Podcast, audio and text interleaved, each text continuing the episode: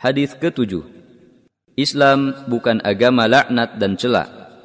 عن ابي الدرداء رضي الله عنه يقول قال رسول الله صلى الله عليه وسلم لا يكون اللعانون شفعاء ولا شهداء يوم القيامه Dari Abu Darda radhiyallahu anhu berkata, Rasulullah shallallahu alaihi wasallam bersabda, orang yang suka melaknat tidak akan memberi syafaat dan tidak akan menjadi pemberi syafaat dan tidak akan menjadi saksi pada hari kiamat.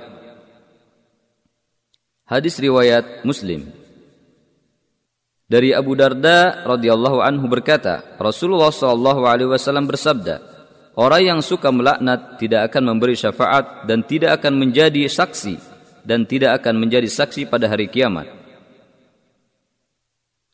Perawi hadis Abu Darda adalah Uwaimir bin Zaid bin Qais al-Ansari al-Khazraji. Masuk Islam pada perang Badar. Ia terkenal sebagai orang yang bijaksana dalam umat Islam. Pemimpin Farakori di Damaskus serta qadi di sana.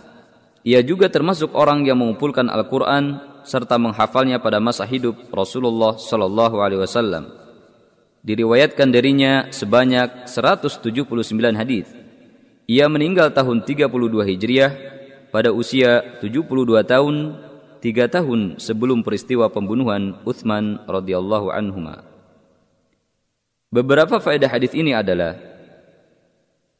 ada beberapa syarah berkaitan dengan hadis ini.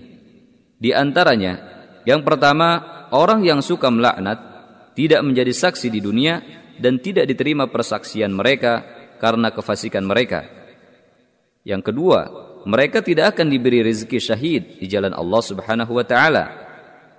Yang ketiga, mereka tidak akan memberikan syafaat pada hari kiamat ketika orang-orang mukmin memberi syafaat kepada saudara mereka yang masuk neraka.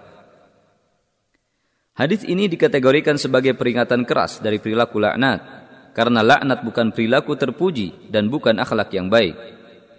Islam adalah agama kasih sayang dan tolong menolong kepada kebaikan dan ketakwaan dan bukan agama laknat dan celaan.